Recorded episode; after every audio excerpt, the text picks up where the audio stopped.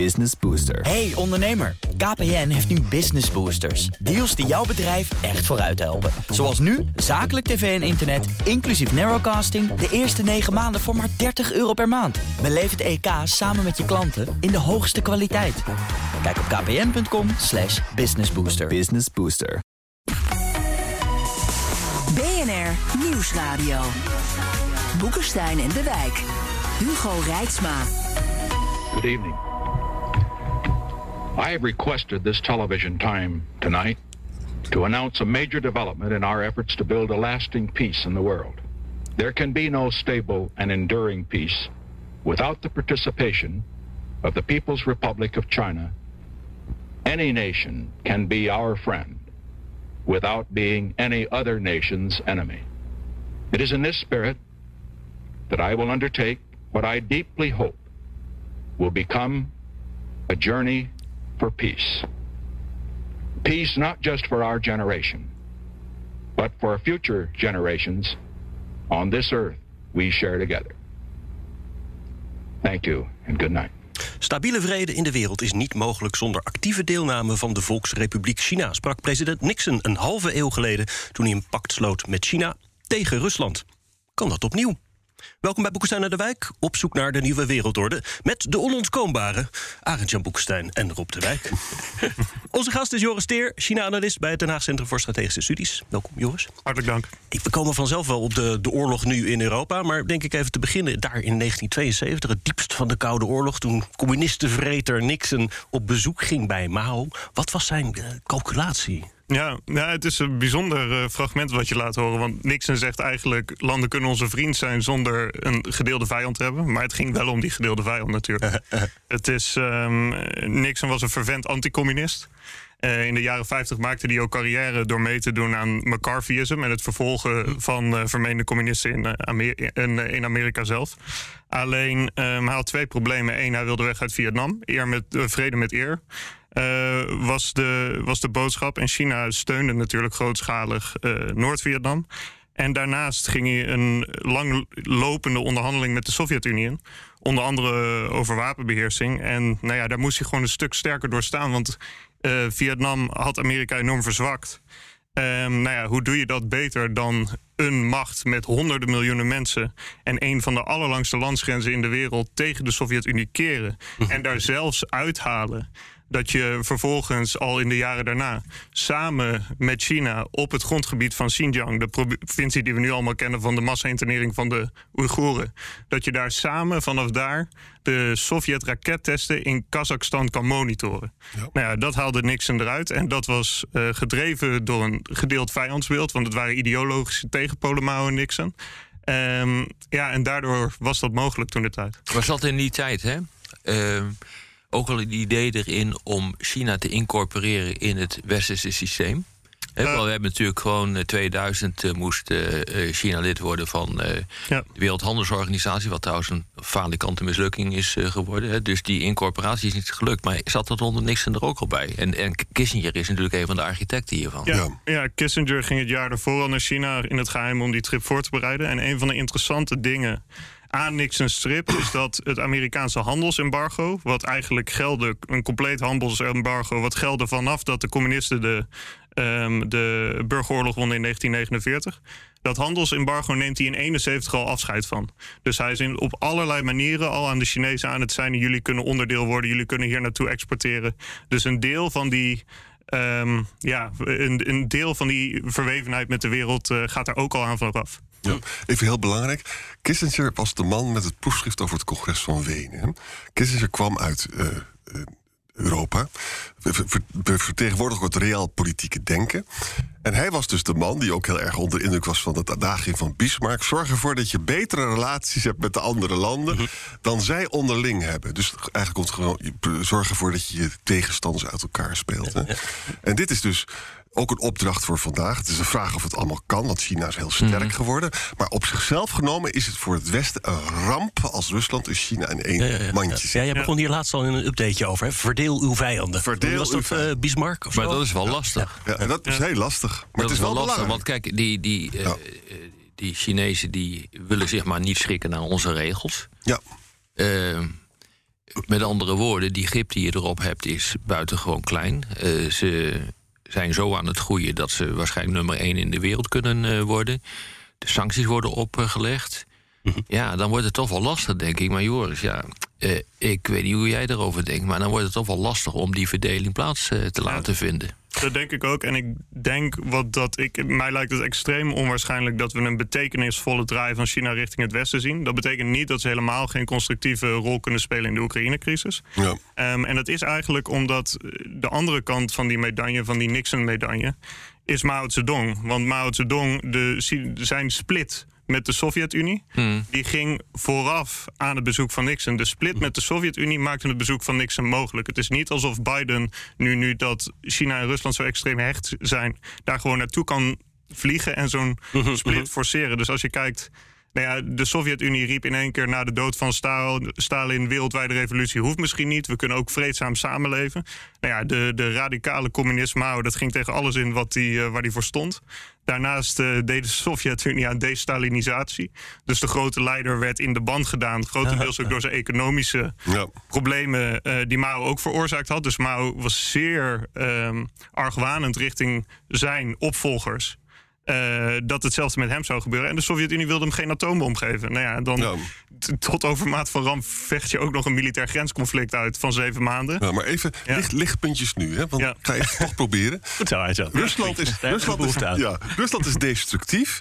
China gelooft wel in een rules-based order. Hè. Wil dus met die mensenrechten wat doen. En wil ook met uh, die mensenrechtencommissie bedoel ik dan, de Wereldbank en hun eigen banken. Ja. En ze willen daar graag een rol in spelen. Ze willen een rules-based order, zolang die maar de hunne is. Exact, maar, maar, er, maar er valt iets mee te doen. Hmm. Tweede is, uh, Rob wordt niet moe uit te leggen dat de, dat de EU een economische macht heeft. Dat is ook trouwens ook echt waar. Hè? Wij zouden dus, het is een hele andere manier van denken, maar we zouden bijvoorbeeld nu dat, dat handelsverdrag, weet je wel, wat, ja. wat, daar zou je wat mee kunnen doen. Mee eens. Ja, nee, mee eens. maar, dat, maar dat moet je ook in de richting van Rusland moet je dat uh, doen. Uh, dus je moet een, een exit bieden van als je ermee ophoudt, dan gaan we praten over een handelsverdrag. Ja, ja, ja. En dat, dat moet je, en dat ontbreekt natuurlijk totaal in de discussie nu. Dat handelsverdrag is het dat ding dat in de ijskast is gezet? Ja, dat is een investeringspak. De investeringspak die anderhalf jaar geleden... Dat is allemaal mislukt. Ja. Bedenk ook, China, de grootste handelspartner voor de Oekraïne is China. Het is echt ongelooflijk. Ja. Uh, China heeft een enorme export naar de Europese Unie. Dus daar zie je dus de afhankelijkheid. Uh, China is niet helemaal gelukkig met als, als uh, Poetin gewoon alles kapot maakt. Hè? Dus er is een heel klein kansje dat ze misschien iets gaan doen. En nogmaals, even vanuit een machtspolitiek perspectief. Het is niet goed als Rusland en China bij elkaar op schoot ja. zitten. Ik ben het met de doelstelling volledig eens. Ik twijfel heel erg of wij de middelen hebben om daar echt iets, iets betekenisvols in te doen. En dat komt eigenlijk neer op de drie kernbelangen van China, uh, die het ook grotendeels met Rusland deelt. China heeft in een economische dialoog met de VS dat ruim voorop gezegd, die zegt suprematie van de Chinese Communistische Partij is voor ons het allerbelangrijkst. Mm -hmm. Daarna vervolgt, daarop volgt onze territoriale integriteit. Nou ja, dat is niet alleen Xinjiang, Tibet, dus de gebieden nu in bezit, Taiwan. ook Taiwan, Zuid-Chinese Zee, ja, ja, ja. Oost-Chinese Zee. En daarna komt pas die economische groei en die stabiliteit. En zo brengen ze dat ook hiërarchisch. Dat heeft Xi Jinping voorgesteld aan Obama. Als jij dit nou van mij accepteert, kunnen wij perfecte relaties met elkaar hebben, zegt hij. Ja, en ga je dan het lijstje af. De Verenigde Staten schendt al die kernbelangen. Die zeggen liberale democratie is de enige legitieme bestuursvorm. Anders bestaat niet. Nou ja, Rusland zegt wij zijn beide democratieën. Alleen dan van het soort zonder vrije en open eerlijke verkiezingen. Um, als het om territorium gaat, de Verenigde Staten heeft een quasi-alliantie met Taiwan. Nou, nogmaals, de ene hoogste prioriteit van China. Nou ja, Rusland heeft China twintig jaar de wapens geleverd. die zij omgebouwd hebben naar hun eigen veel modernere systemen. Huh? Die het juist mogelijk maken om zo'n invasie op termijn uit te voeren. Hè? En dan het laatste punt, de economie. We kennen Trumps tarieven. We kennen de, het tech-afknijpen van de chipindustrie, wat Biden en Trump proberen. Ja, en Rusland levert goedkope olie en gas over land waar de oppermachtige Amerikaanse marine niet bij kan als er een crisis is. Dus niet af kan knijpen. Ja, je hebt gelijk. Ja, ja, ik denk dat het zo is. Maar bovendien, wat er een paar dagen geleden is uh, gebeurd, is dat Wang Yi. Ja. Yi Wang, wat is het ook alweer? Wang Yi, ja. ja. Uh, heeft gezegd van uh, de Amerikanen zijn bezig om een nieuwe NAVO in uh, de ja. Indo-Pacific te maken. En natuurlijk noemen ze het AUKUS-pact. Dus dat het onder, nucleaire onderzeeboot die gebouwd worden door de Amerikanen, de Australiërs en de Britten. Eh, maar ze noemen ook de Quad. Eh, dus het samenwerkingsverband van de Amerikanen, de Australiërs, India en Japan. Als ik het goed heb, ja, dat zijn ze. En zo zijn er nog een aantal van dat soort Ja. eh, stappen die worden genomen. Ehm, eh, ook, eh, laten we zeggen, om in VPRO-termen te, te spreken, een aantal landen is een tientjeslid van, eh, van de NAVO, hè, Australië, Japan. Dus zij hebben dus wel ook een, een redelijk argument om te zeggen: van dat is inderdaad het geval. Dat is natuurlijk niet formeel het geval, maar er worden bondgenootschappen gecreëerd. Dat is een extra reden om te zeggen: van ja, jongens, wij worden geïsoleerd en het is tegen ons gericht. Dus daar kom je nooit in. Precies. China en Rusland willen alle twee Amerikaanse militaire machtsprojectie uit hun regio duwen. En die bondgenootschappen maken die machtsprojectie mogelijk. Ja.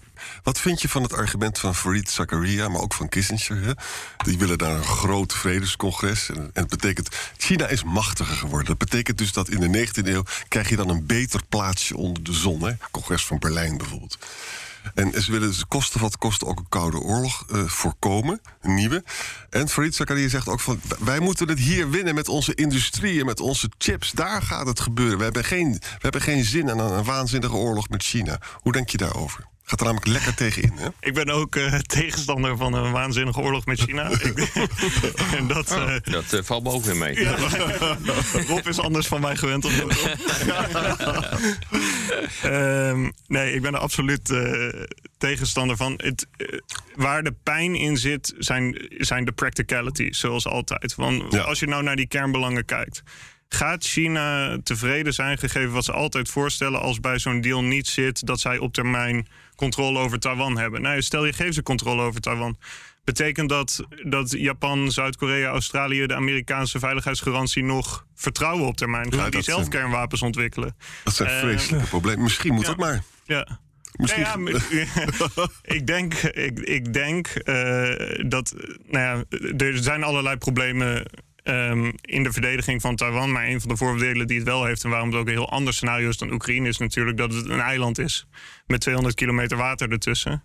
En wat het voor hun zelf een stuk beter verdedigbaar waard. Waar ik denk dat je wel goed over na moet denken. ook met zo'n vredescongres. En dat gaat ook aan de discussie van de no-fly zone.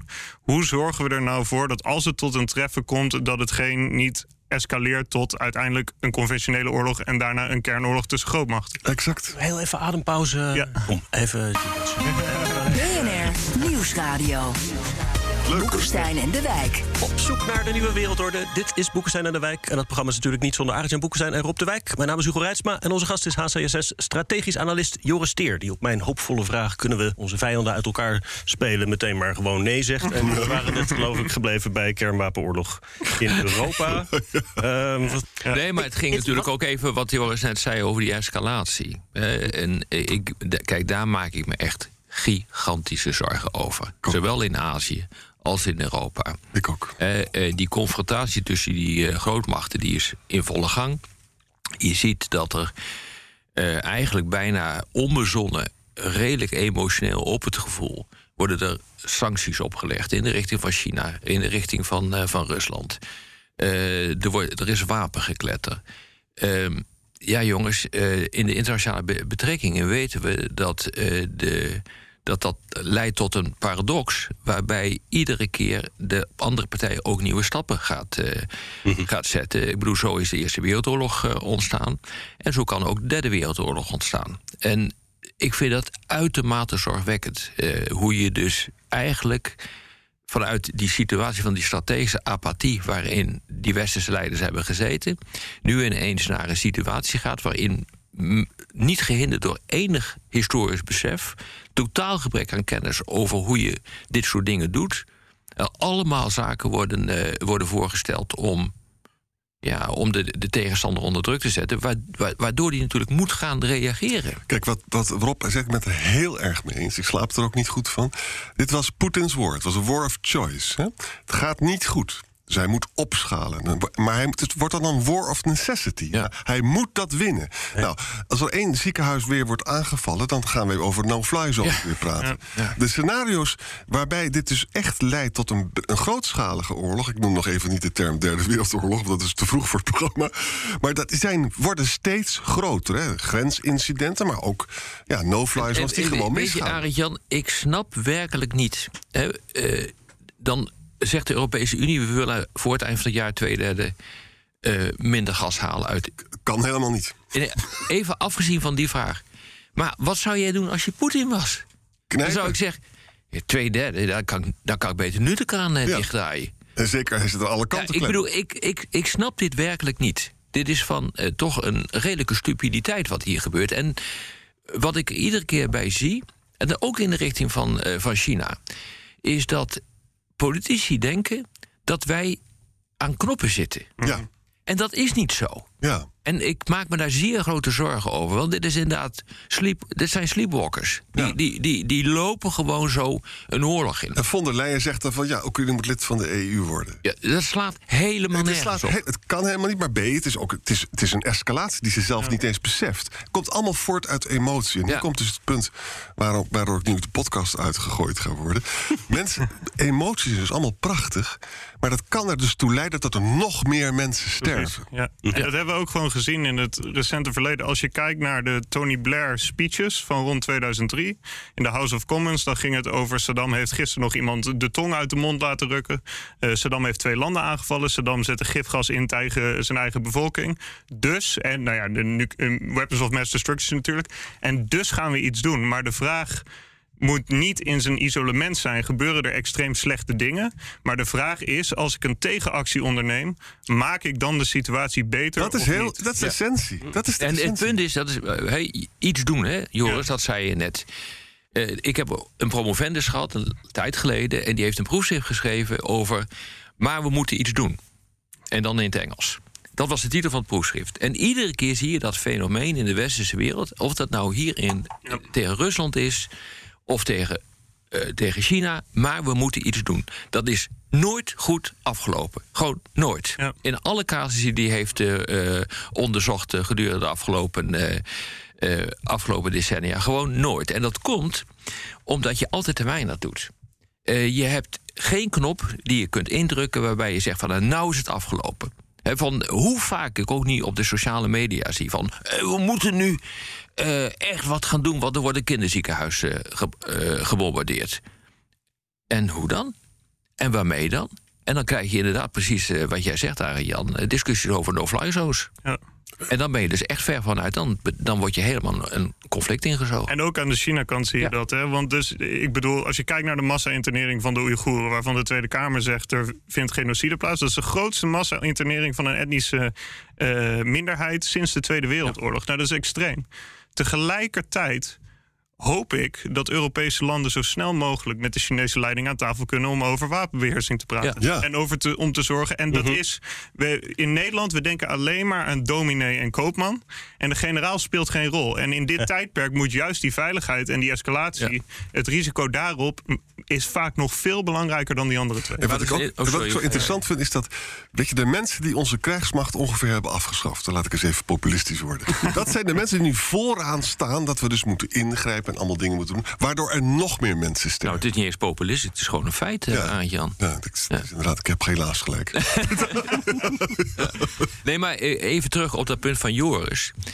Eh, ik heb het absoluut stupide gevonden om het eh, investeringspact met China ondergeschikt te maken aan wat er in Xinjiang gebeurt. Want als je nou op een of andere manier invloed wil hebben op China, dan moet je zorgen dat je die handelsbetrekkingen daarbij kan gebruiken. Dat je een handvat hebt om die lui onder druk te zetten. En die zaten erin. Want in dat, handel, in dat handelspact, dat investeringspact zat bijvoorbeeld eh, de clausule. dat ze zich aan de. Eh, de clausules, de, eh, de regels moeten houden van de ILO, dus van de Internationale Arbeidsorganisatie. organisatie. Ehm, daar had je een middel mee om te zeggen: van, ja, jongens, eh, je bent nou wel bezig met die Oeigoeren, maar eh, dit klopt niet en we gaan dat en dat doen. Want je hebt daar zelf je handtekening onder gezet. Ja, maar- Dat is zo niet strategisch gedacht en zo ongelooflijk alleen maar gedacht vanuit, ehm, Ja. van vanuit emotie. En ik begrijp die emotie wel. Hè. Ik bedoel, Rob, nog maar het is totaal niet strategisch. er komt nog een ding bij waar je ook heel erg impopulair mee maakt, maar daar hou ik van. Farid Zakaria is een moslim en hij heeft het dus deze weekend uitgesproken. Van luister eens, wat de eh, Chinezen doen met de Oeigoeren is verschrikkelijk, maar het is niet een genocide. Ik mag het als moslim zeggen, zei hij letterlijk. Hè? En wat we aan de hand is, we are weaponizing eh, genocide. Ja. En dat is waar. Als wij dus tot een of andere manier tot een vergelijk moeten komen, moeten we ook zeggen dat het verschrikkelijk is wat er met de Oeigoeren gebieden. Maar je moet niet zeggen dat daar een genocide Ja, maar de- eh, eh, Rusland doet hetzelfde. Die Ja. gebruikt ook het woord genocide. Ja. Eh, terwijl er natuurlijk gewoon geen genocide is in, eh Donetsk. in, in, Donetsk. Dat is gewoon niet zo. Ja, ik, ik moet wel zeggen, de, The Economist heeft daar ook een lang stuk over geschreven. Een leader waar ik het wel mee eens was. Dat zij, eh, en dat is een jaar geleden, dus misschien hebben die nu ook een andere inschatting.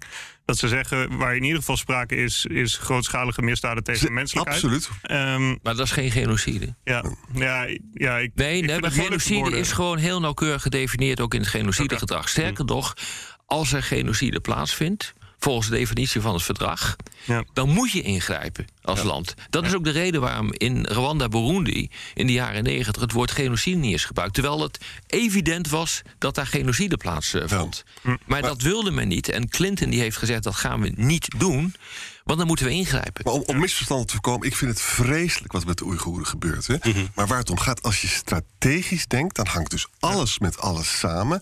En wij kunnen beperkte dingen voor de Oeigoeren doen, omdat we de Chinezen ook nodig hebben voor. Dat is het eerlijke verhaal. Nou, ik weet niet, eh, misschien denken jullie daar heel anders over. Maar eh, wat mij opvalt is dat men alleen maar oog heeft voor de humanitaire veiligheid van groepen elders. In Xinjiang, in, eh, in Oekraïne. Zonder na te denken wat daar de consequenties zijn voor je eigen bevolking. Het lijkt wel of eh, deze politici geen enkel idee meer hebben dat ze ook een verantwoordelijkheid hebben naar hun eigen bevolking. En dat ze dus een beetje moeten uitkijken. En daarmee zeg ik niet dat je een vrijbrief moet eh, geven aan de Chinezen in Xinjiang en Rusland in Oekraïne. Maar je moet het wel zo doen dat het niet continu escaleert. Want als het escaleert, dan raakt het uiteindelijk geweldig jezelf. Maar is het dus eh, zo, als ik jullie zo goed beluister, dat het niet alleen zo is dat we niet Rusland en China uit elkaar kunnen spelen, maar dat misschien de confrontatie met Rusland nu eh, een generale repetitie is voor de kladderatsch die nog komt met China? Ja. als we Ja. zo doorgaan. Ja, Ja. 100 procent. Ja. En, ehm, dat, en ik denk niet dat dat aan het Westen ligt, overigens hoor. Ik denk dat dat voornamelijk bij China ligt. Als je kijkt, het meest frappante aan deze Chinese kijk op eh, dit conflict is hoe goud eerlijk en hoe hard ze zijn geweest. Dus ehm, dat, nou ja, eh, wat, ze, wat ze roepen is. De grootste, het grootste obstakel voor vrede is niet de Russische agressie, maar dat zijn Europese en Amerikaanse sancties. Ja, daar zit volgens mij de kern in. Wat zij niet willen is dat een klein land door andere landen, ook van buiten de regio, verdedigd wordt tegen de grote bully uit een bepaalde regio. Want China is helemaal niet intrinsiek tegen sancties. Ze hebben Australië een vrijwel compleet handelsembargo opgelegd. Met 14 punten die zo ver gaan als.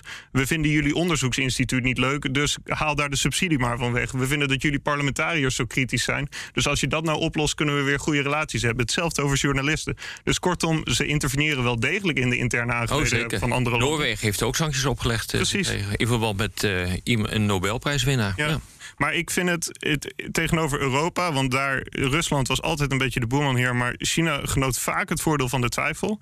Het feit dat ze zo pal achter Rusland gaan staan, ook in retoriek en zeggen: dit is onze belangrijkste partner en samen zorgen wij voor stabiliteit en vrede in de wereld. Ik snap niet wat er met Xi Jinping aan de hand is. Ik denk dat we moeten afronden op de radio. Dit is eh, denk ik alles wat mensen aan kunnen voor nu. op de podcast eh, gaan we langer door voor de mensen met een echt sterke maag. Luistert u op de radio, dan verwijs ik naar boeksteinendewijk.nl of uw favoriete podcast-app. Dick Zwijnenburg vraagt... eensgezindheid over de sancties verrast de vriend, EU-leden en vijand, Poetin. Maar de echte samenhorigheid moet nog komen. De economische klappen, vergeet het inzakken van de huizenmarkt niet. En als wij minder kopen, voelt ook China dat. Gaat China dan ook Rusland de schuld geven? Nee, dat denk ik niet. Nee. Die landen zijn trouwens wel meer gewend dan wij aan sancties. Wij vinden het ook gewoon gek dat andere landen ons sancties opleggen. dat horen wij te doen. Niet zij naar ons toe.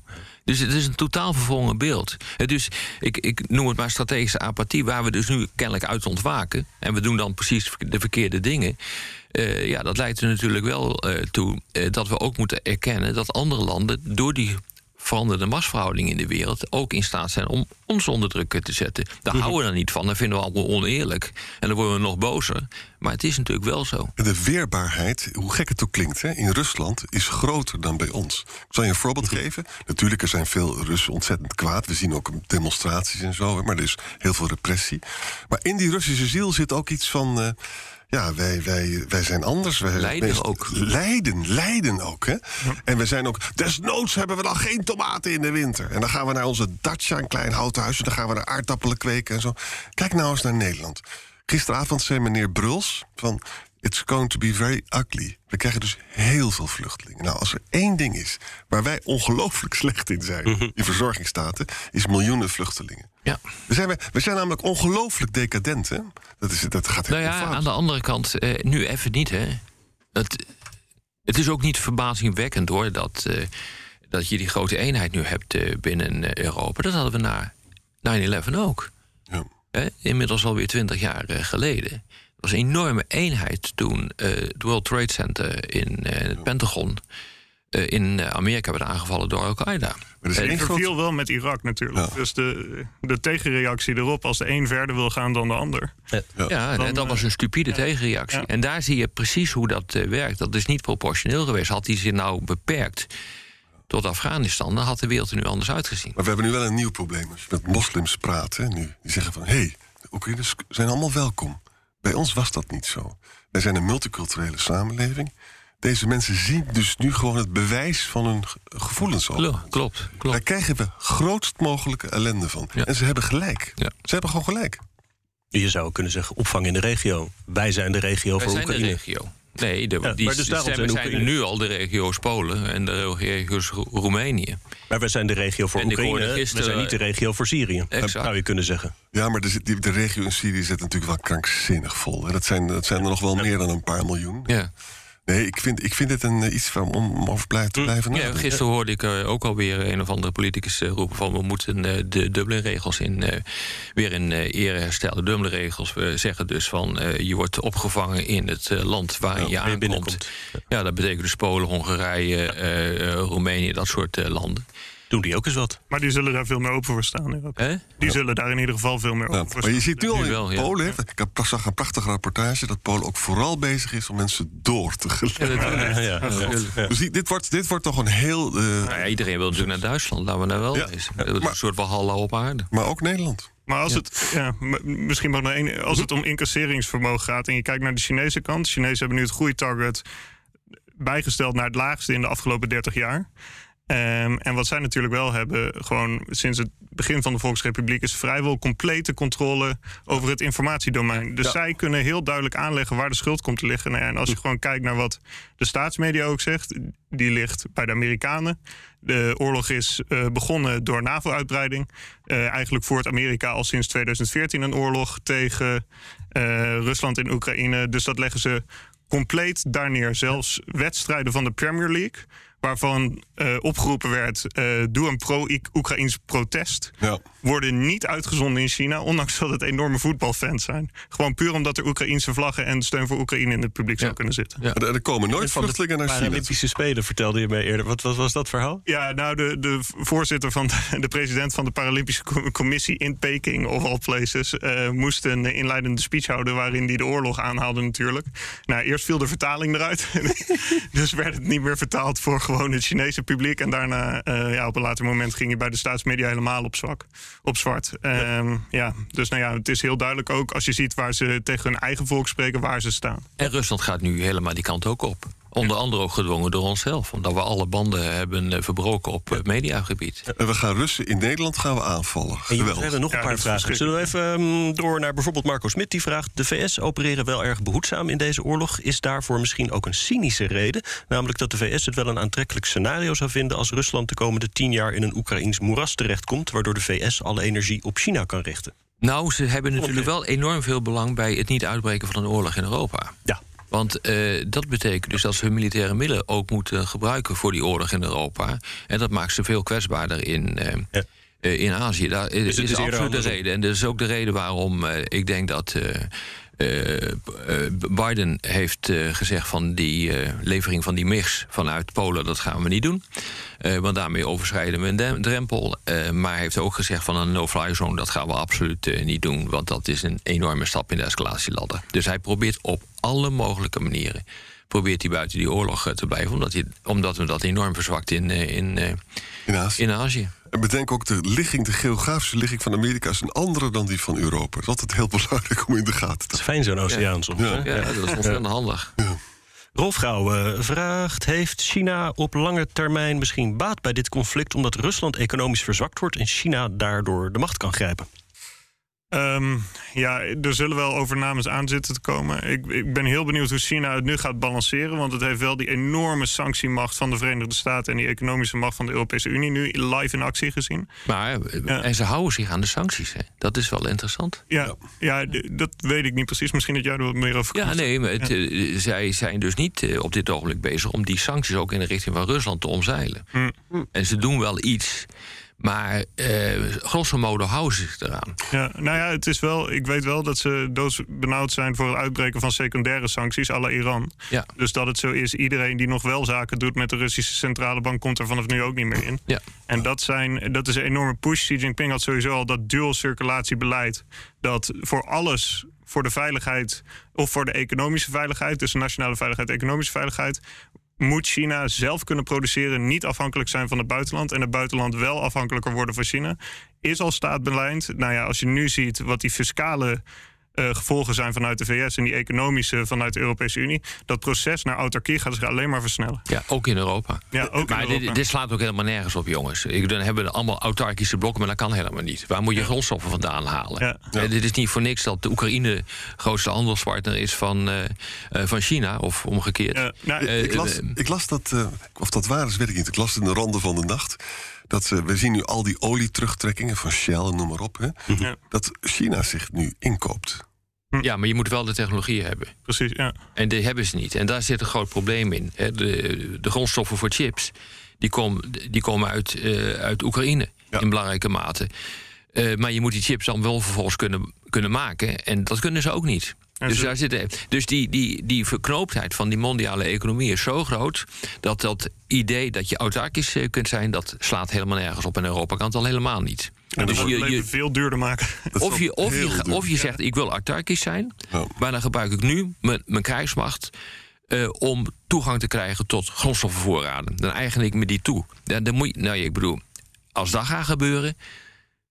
nou, daar moet je niet over na willen denken. En we kijken nu allemaal naar Mohammed bin Salman of die niet weer de, de oliekraan open kan zetten. Dus nou ja, Ja. de man waar we vanwege de mensenrechten ontzettend boos op zijn, omdat hij een journalist eh, aan stukken liet knippen. Ja. Die man moeten we nu vanwege strategische belangen Ja. eh, naar kijken of hij niet gewoon Ja, ja, ja. à la eh, Saudi-Arabië in de jaren tachtig de kraan vol open kan zetten om de Sovjet-Unie en Rusland weer te verzuipen in goedkope olie. En plus Venezuela en Iran. Alles Ja. hangt weer met alles Ja, maar samen. ik ben er altijd tegen geweest, nou, dat, dat, dat weten jullie wel van mij, om al te ethisch naar dit soort problemen te kijken. Eh, want eh, uiteindelijk weet je, eh, ga je zelf ten onder. Ja. Aan je eigen ethiek. En dat, dat is echt een groot probleem. Ja, het is wel een groot, grote uitdaging voor het Nederlandse parlement ook. Want het lijkt soms een beetje van scream loudly en bezuinig je stok weg, zeg maar. Ja. Dat is wel eh, een constante. Jedes principe führt zum Teufel. Hey, nu we toch de hele wereld over aan het gaan zijn, vraagt Sjoerd Duiker: hoe krijgen we India in het westerse kamp? Die zit er al gedeeltelijk in. Ja. Eh, ik heb net eh, die kort genoemd, dat samenwerkingsverband eh, met de Amerikanen. Daar zitten ze al in. Alleen het is wel opmerkelijk dat India zich onthouden heeft van stemming. in de Verenigde Naties een week geleden om Rusland te veroordelen. Het was opmerkelijk en positief dat China zich onthield van stemming. Ja. Maar het was Negatief? dat negatief India dat. India dat deed. Die had het gewoon keihard moeten veroordelen. En er wordt iedere keer gezegd van... eh, nou ja, dat is toch wel een succes. Eh twee derde, drie kwart van eh, de algemene vergadering... die ging daarachter staan, achter die veroordeling van... van, van Poetin. Dat kan allemaal zo zijn. Maar er zaten wel landen in met een miljard inwoners. Precies. Exact. En, en dus qua, qua, qua eh, inwonersaantallen is dat echt geen eh, eh, twee derde niet. Wat er ook, of of sorry, drie kwart wel en één, één kwart niet. en wat ook een rol speelt, dat hoorde ik op de radio. ehm, India kan niet overleven met 120 dollar per vat. Het is nu veel hoger. Dus India heeft een gigantisch probleem. En de Amerikanen paaien nu de India. India moet absoluut het westerse kamp blijven. Daarom is dus ook Biden eh, al geweest in Venezuela twee weken geleden. We zijn Verenigde Arabische Emiraten zegt het nu te gaan doen. Dat betekent nog niet dat ze het gaan doen, maar ze zeggen het. Hè? Klopt. En dat is overigens, dit is heel belangrijk. India heeft al geprobeerd om uh, Poetin op een of andere manier te steunen in verband met die olieaankopen. Ja. Maar daar, daar zie je weer die multipolariteit. Hè? Want Ja. aan, het, aan het eind van de Koude Oorlog... om de Sovjet-Unie in Afghanistan te verzuipen in die goedkope olie... en Iran te verzuipen om de Iran-Irak-oorlog te bezuinigen... Exact. zette Saudi gewoon de kraan open. Ja. In hand in hand met de Amerikanen. Nou ja, China is al lang veruit de grootste olieafnemer van de Saudis. ja, Ehm, dus die afhankelijkheid van het Midden-Oosten gaat steeds meer naar Azië... en niet naar Europese landen en al helemaal niet de Verenigde Staten. exact, exact. Eentje misschien nog van Bas van der Laan die vraagt... ehm, Rusland zwakt zijn eisen af rond dezelfde tijd dat China aangeeft achter Rusland te staan. Is dat toeval of kan dat ook druk vanuit China zijn geweest? Ja, dit is echt een black box voor mij. Ik vind Ja. het zo moeilijk om eh, ook, ook de hele positie van het Chinese leiderschap, hoe Xi Jinping erbij zit. We, we krijgen wel allemaal kreten mee dat hij zegt: nou, de wereld laat veranderingen zien die we in 100 jaar niet gezien hebben. Het Westen is, is, is, is in verval, het Oosten komt op. En zelfs eh, kort geleden heeft hij nog gezegd: nou ja, het contrast tussen goed bestuur in China en chaos in de Verenigde Staten wordt alleen maar groter. Dus is die man nou zo geïsoleerd, wat de Europese diplomaat tegen mij besleept als echo chamber Chongnanhai, waar die à la Poetin, zoals die de laatste Ja. twee jaar ook zat, is hij ja. zo geïsoleerd dat hij het gewoon helemaal niet meer meemaakt. Ik denk, eh, nou, eh, weet je, ik heb, eh, ik heb die, die, die these al eens een keer hier verkondigd. En daarbij onmiddellijk gezegd van, ik ben geen psycholoog. Maar het zou me niet verbazen dat er een relatie is tussen wat er in eh, de afgelopen maanden in Taiwan is gebeurd, daar die bijna oorlog, en wat er nu gebeurt. Die, die twee leiders zijn te geïsoleerd geweest. Iedereen die zoomt de godganse dag weet dat je in een situatie zit waarin je het zicht op de werkelijkheid aan het, eh, aan het verliezen bent. Ja. En eh, al dat geneuzel en dat gelul over we gaan niet meer vliegen. Want we kunnen het ook door middel van Zoom doen. Dat is echt gewoon complete nonsens. Maar het is be- echt onzin. Want je hebt gewoon die persoonlijke contacten nodig. Je, hebt, je moet iemand een hand geven op een gegeven moment. Je moet iemand in de ogen kunnen kijken. Dat kan niet via Zoom. En Joris, dat wil ik je nog vragen. Van, eh, in sommige stukken lees je dat. Eh Xi is natuurlijk wat ouder al. Hè. Die heeft ook die tijd meegemaakt dat de Chinezen erg opkeken tegen de Russen, hoewel ze vernederd werden. Hè. Er wordt, wordt al gezegd van. In sommige internetdingen wordt, wordt dus de, de Poetin de keizer genoemd en zo. Hè. Nou, dan vraag je, ga je naar een China-expert toe, zegt het is allemaal onzin. Het is helemaal niet zo dat Xi opkijkt tegen Poetin. Ja, wat, wat moet ik nou geloven? De ene Sinoloog zegt dat en de andere zegt dat. Het is een beetje koffiedik kijken, maar we kunnen wel kijken naar wat hij gezegd heeft. En dan moet je een aantal dingen constateren. Ze hebben elkaar 38 keer ontmoet in 10 jaar tijd. Xi Jinping heeft Poetin openlijk eh, zijn beste vriend genoemd. Ja. Ze vi- vieren zelfs verjaardagen samen en dat wordt dan breed uitgemeten in de Chinese Ja, staatsmedia. allemaal gelezen. Ja. Ja, dus kortom, ehm, nou, mijn analyse is steeds die structurele krachten, dus die kernbelangen waar we het eerder over hadden, dat is leidend. Maar ik denk wel degelijk dat het versterkt wordt door dit leiderschapsperspectief en eh, de, nou, ja, de vriendschap tussen de twee. Ik neem van deze uitzending mee dat Boekenstein en de Wijk pleiten voor meer persoonlijk contact. Dat is Ja. belangrijk. Vind ik mooi. En niet tussen Poetin en Xi trouwens. Dat hoor niet. Dit was weer Boekenstein en de Wijk. Namens Arjan Boekenstein en Rob de Wijk zeg ik dank voor het luisteren. Speciale dank aan Joris Teer. En tot volgende week.